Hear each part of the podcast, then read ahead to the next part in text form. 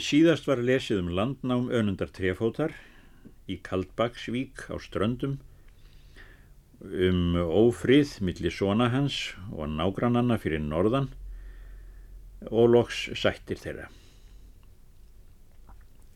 13. kapitúli Eftir þetta skiptu þeir Þorgrímur og Þorgeir bræður fjö með sér. Tók Þorgrímur lausafjö en Þorgeir löndin. Réðst Þorgrímur þá inn til miðfjörðar og kefti landað bjargi með ráði miðfjörðarskeggja. Þorgrímur átti Þúrdísi, dóttur ásmundar undan ásmundargnúpi, er numið hafði þingeira sveit. Þau Þorgrímur og Þúrdís áttu són er ásmundur hétt. Hann var mikill maður og sterkur og vitur maður og hærður manna best. Hann hafði snemma hærur í höfði, því var hann kallaður hærulangur eða hærulagður. Þorgrímur gerðist þá búsíslumadur mikill og hafði alla menn mjög í starfa þá er með honum voru. Ásmundur vildi lít vinna og var fátt um með þeim feðgum. Fór svo, þar til er ásmundur var roskin að aldri, það er fulltíða, þá beiti ásmundur fararefna af föðu sínum. Þorgrímur hvað þau lítil verðamundu og fekk honum þó nokkuð að flytjanda eiri. Fór ásmundur þá utan og grættist honum brátt fjö. Hann sigdi til Ímessa landa og gerðist hinn mest í kaupmaður og vell auður. Hann var vinsæl maður og skilríkur og átti marga frændur í Noregi þá er göfgir voru. Á einu hausti vistaðist ásmundur austur í vík með göfugum manni, þeim er Þorstein hétt. Hann var upplenskur maður að ætt og átti sístur er Rannveig hétt, hún var einn besti kvennkostur. Þeirrar konu bað ásmundur og fjekk með ráði Þorsteins frænda hennar, staðfestist ásmundur þar um hríð og var vel virtur. Þau Rannveig áttu þann són er Þorstein hétt, manna fríðastur og sterkur maður, rattmaður mikill og hár maður á vöxt og nokkuð seinlegur í viðbræði, því var hann drómundur kallaður. Orðið var haft um þungfær skip. En er Þorstein var lít á legg komin, tók móður hans sótt og andaðist. Eftir það festi ásmundur ekki indi í Noregi. Tóku þá móðurfrændur Þorsteins við honum og fjö hans en ásmundur réðst þá enn í sigling og varð nafnfrægur maður.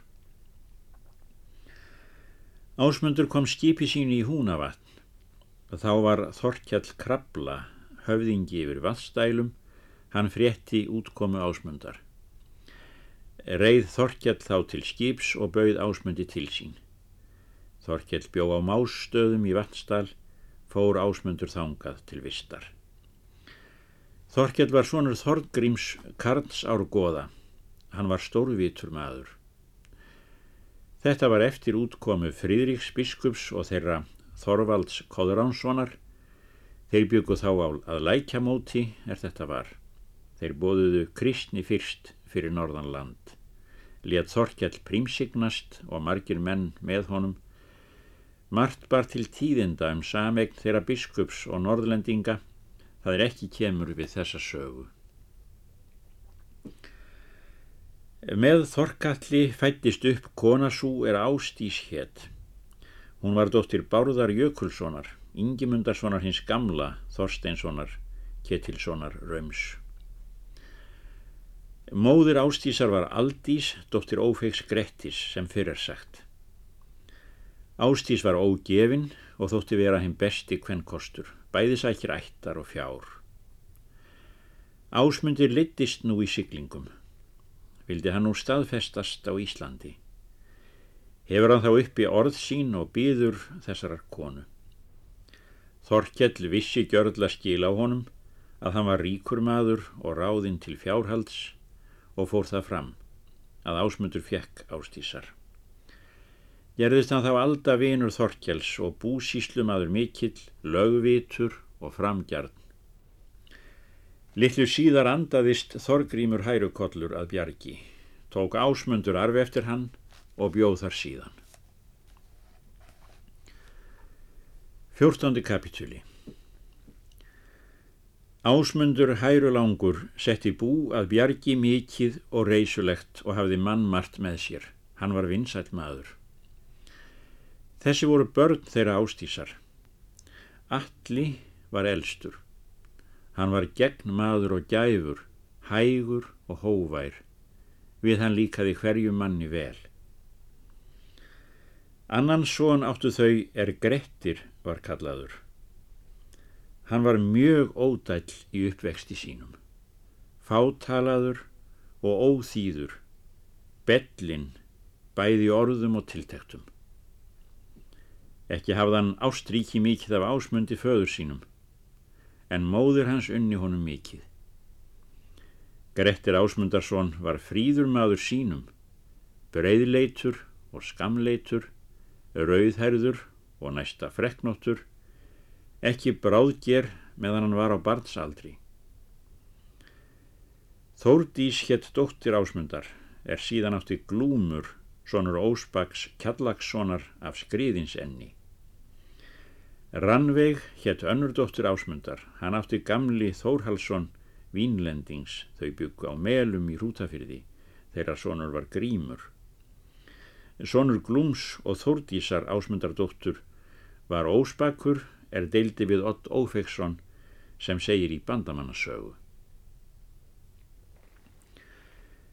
Grettir ógs upp að bjargi þar til hann var tíu vetra gamal, hann tók þá heldur við að gangast.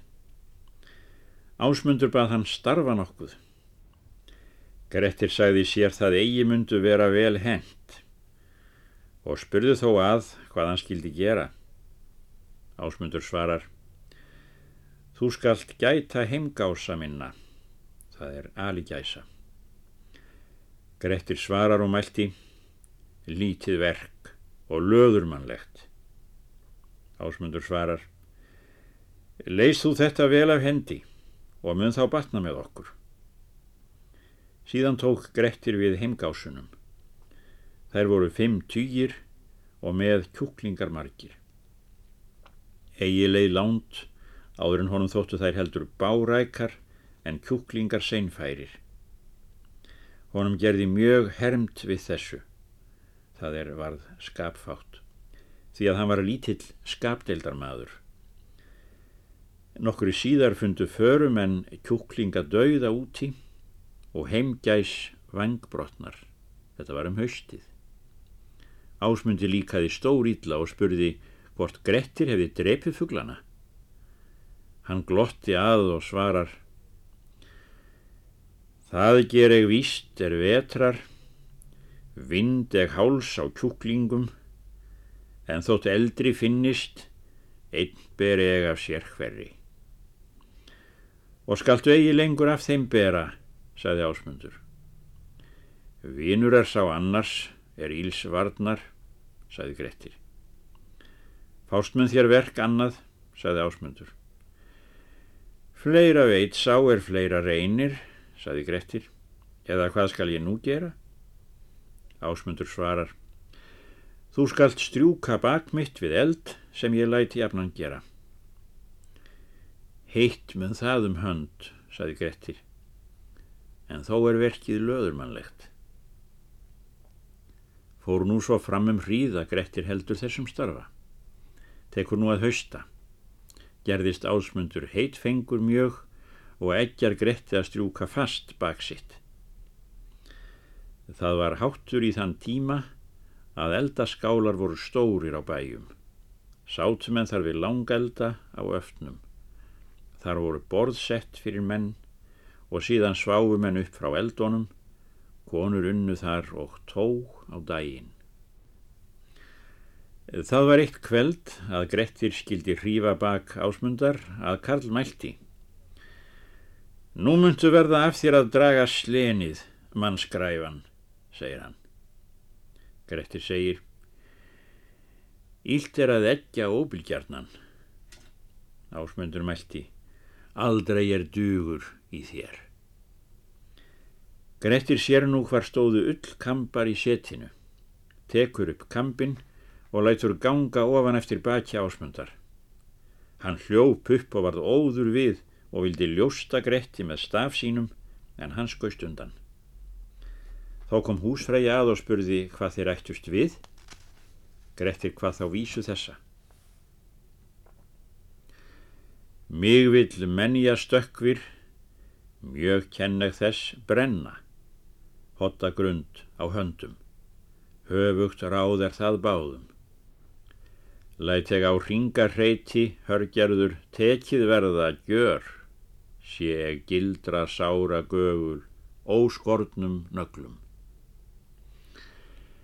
Ídla þótti húsfreyju er Grettir hafði þetta til bræðs tekið og hvað hann ekki fyrir leitin verða mundu. Ekki batnaði frændsemi þeirra ásmundar við þetta. Nokkur í stundu síðar talaði ásmundur til að Grettir skildi geima rossa hans. Grettir hvað sér það betra þykja en bak eldagerðin. Þá skalt þú svo aðfara, sagði ásmundur sem ég býð þér. Hrissu á ég bleikálótta, er ég kalla kengálu. Hún er svo vís aðum veðráttu og vatnagang að það mun aldrei bresta að þá mun hríð eftir koma ef hún vil eigi á jörðganga. Þá skaltu byrja í húsi hrossin en halda þeim norður á hálsin þegar er veturleggur á. Þætti mér þurfa að þú leysir þetta verk betur af hendi en þau tvö sem áður hef ég skipað þér. Grettir svarar Þetta er kallt verk og karlmannlegt en ílt þykir mér að treysta meirinni því það veit ég engan fyrrgjart hafa. Nú tekur Grettir við hrosageimslunni og leið svo fram yfir jól þá gerði á kulda mikla með snjóum og ílt til jarða. Grettir var lít settur að klæðum en maður lít harnadur tók hann nú að kala, en kengála stóð á þar sem mest var svæðið í hverju yllviðri. Aldrei kom hún svo snemma í haga að hún myndi heimganga fyrir dagsettur. Grettir hugsar þá að hann skal gera eitthvað það bellibræð að kengálu erði goldið fyrir útigangin. Það var einn morgun snemma að Grettir kom til Rossahús, líkur upp og stóð kengála fyrir stalli því að þótt hrossum væri fóður gefið þeim er með henni voru þá hafði hún það einn. Nú fór Grettir upp á bak henni. Hann hafði hvassan kníf í hendi og rekur á um þverar herðar kengálu og lætur svo ganga aftur tveim megin hryggjar. Rossið bregður nú hart við því það var feitt og fælið eis svo að hóvarnir brustu í veggjunum. Grettir fjall af baki, en er hann komst á fætur, leitar hann til bakferðar. Er þeirra viðuregnin snarpasta og svo líkur að hann flæra henni alla baklengjuna aftur á lend. Rekur síðan út hrossin og til haga. Egi vildi kengála býta nema til baksins, en er skamt var af hádegi, bregður hún við og hleypur heim til hús. Grettir byrgir nú húsið og gengur heim. Ásmundur spyr hvar hrossin væru. Grettir hvaðst gengt hafa í húsi eftir vanda. Ásmundur segir að þá myndi skamt til hríðar er hrossin vildu eigi ástanda í þýliku veðri. Grettir segir Skýst þeim mörgum vístómurinn er betri vonir að. Líður nú af nóttin og eigi kom hríðin. Rekur Grettir hrossin og þólir kengála ekki í haga. Undarlegt þótti ásmundi það er veðráttu brá eigi úr því sem áður hafði verið. Hinn þriðja morgun fór ásmundur til hrossanna og að kengálu og mælti. Ídla þykir mér hrossin við hafa orðið að jafn góðum vetri en þú munt síst bregðast að bakinu bleikála. Verður það er varir, saði Grettir, og svo hitt er eigi varir. Ásmundur strauk bakið á hrossinu og fyldi þar húðin. Honum þótti undarlegt fyrir svo var orðið og hvað Gretti þessu valdamundu. Grettir glotti að og svaraði engu. Bóndi fór heim og var mál óði mjög. Hann gekk til eldaskála og heyrði að húsfræja meldi. Vel skildi nú hafa reynst rossa geimslan frænda míns. Ásmundur hvað vísu. Þar segir hann frá tiltæki Grettis. Hinn vitri drengur, segir hann, muni venja föður sinn af því að skipa sér fyrir verkum. Bætir því við að flestar prúðar konur mættu tala færra. Húsfröya svarar. Egi veit ég hvort mér þykir meir frá móti að þú skipar honum jafnan starfa eða hitt að hann leysir alla einn veg af hendi. Nú skal ógum enda gert fyrir það, saði ásmundur, en hafa skal hann viðurgerning verra. Teljið þá hóru ég á aðra, saði Grettir og svo fór fram um stund. Ásmundur létt drepa kengálu. Mörg bernsku brauð gerði Grettir þau sem eigi er í sögu sett. Hann gerðist nú mikillu vexti, eigi vissum en gjörðla aflans því hann var óglíminn. Orti hann jafnan vísur og kviðlinga og þótti heldur nýðskjældin. Egi lagðist hann í eldaskála og var fátalaður lengstum. 15. kapitúli Þá voru margir uppvaksandi menn í miðfyrði.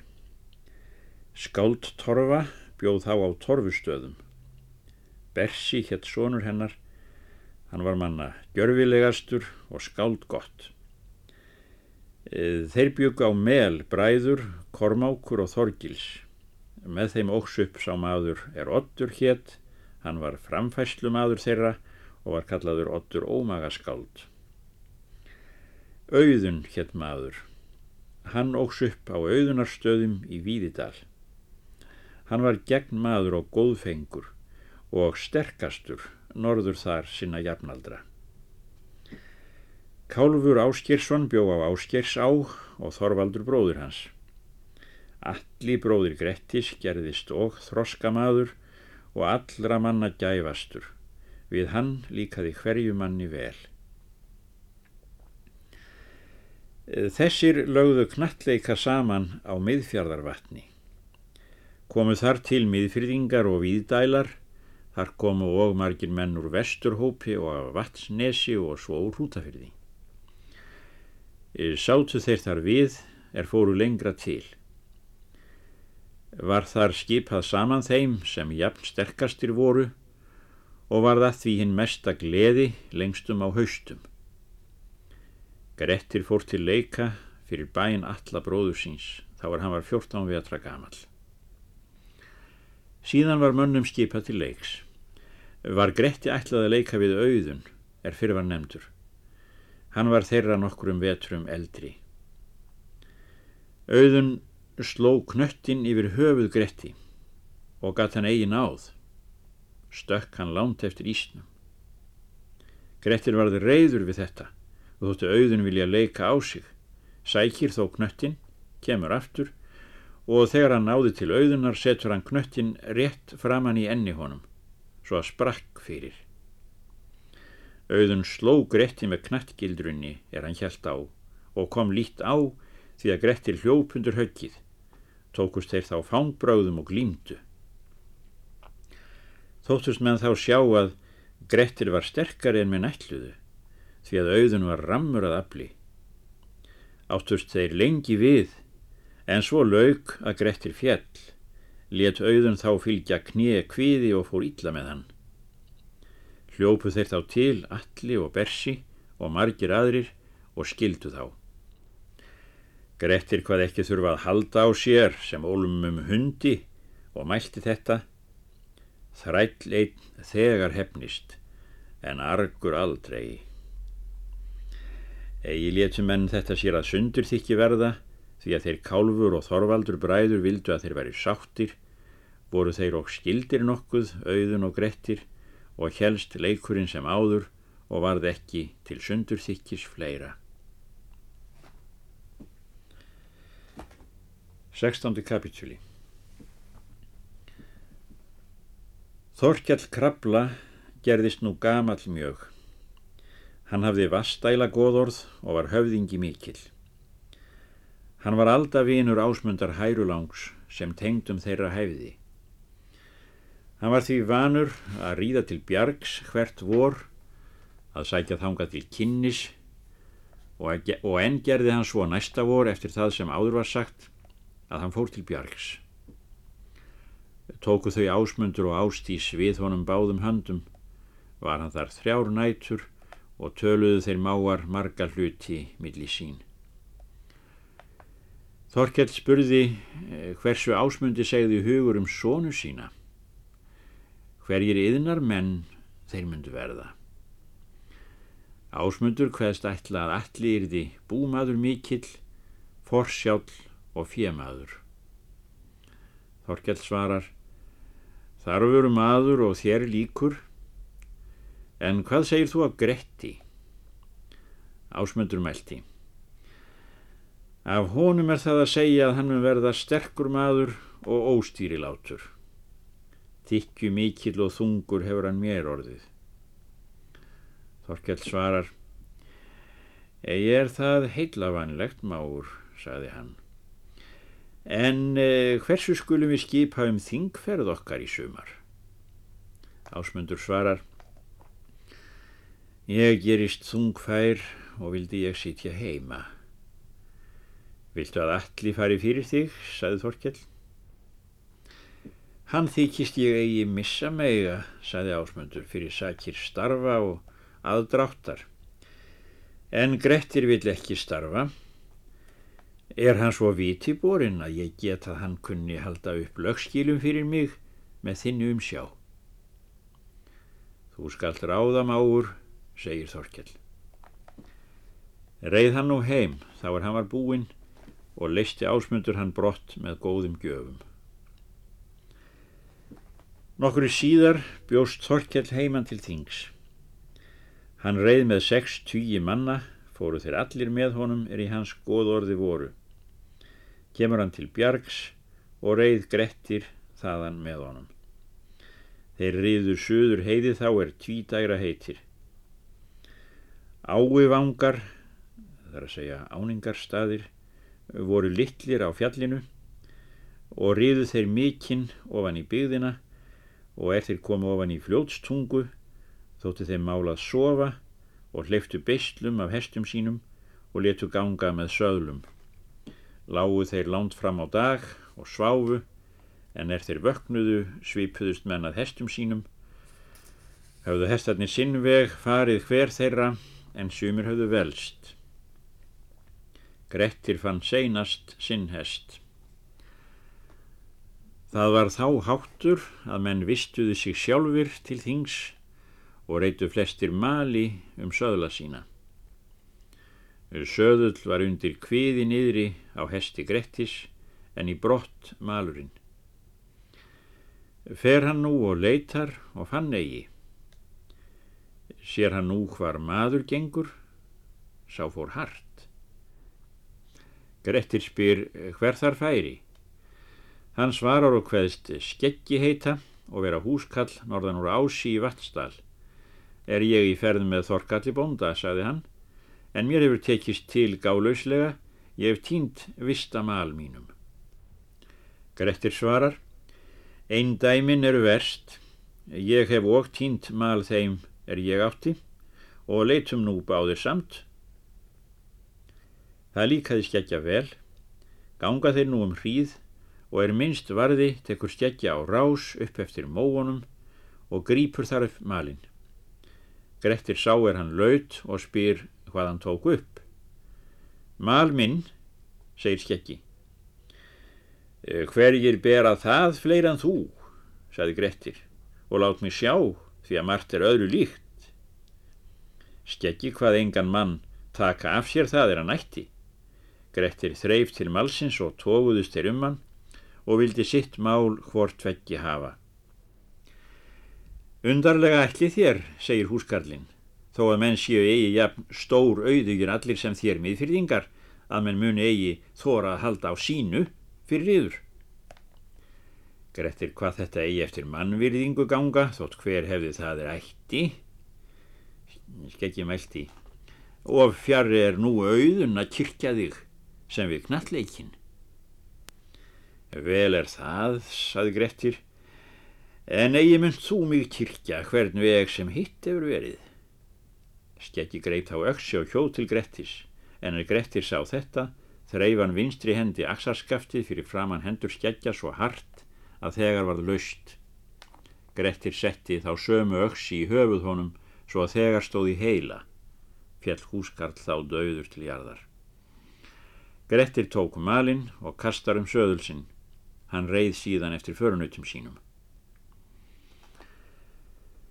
Þorkjall reið undan því að hann vissi eigi að þetta myndi til hafa borið.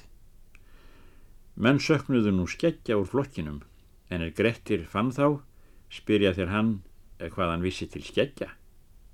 Grettir hvað þá vísu. Hygg eg að hljóp til skeggja hamar tröll með föru ramri Blóð var á gunnar gríði gráður fyrr stundu áðan. Sú gein yfir haus honum, harð mynd og lít sparði var ég hjá viðureg þeirra, víkt henn og klauf enni. Þá hljópu fyldar menn Þorkjáls upp og sögðu ekki myndu tröll hafa tekið mannin um ljósan dag. Þorkjál þagnaði og mælti síðan. Annur efni munu í vera og mun Grettir hafa drepið hann. Eða hvað bar til? Grettir segir þá allan áskilnað þeirra. Þorkjall mælti.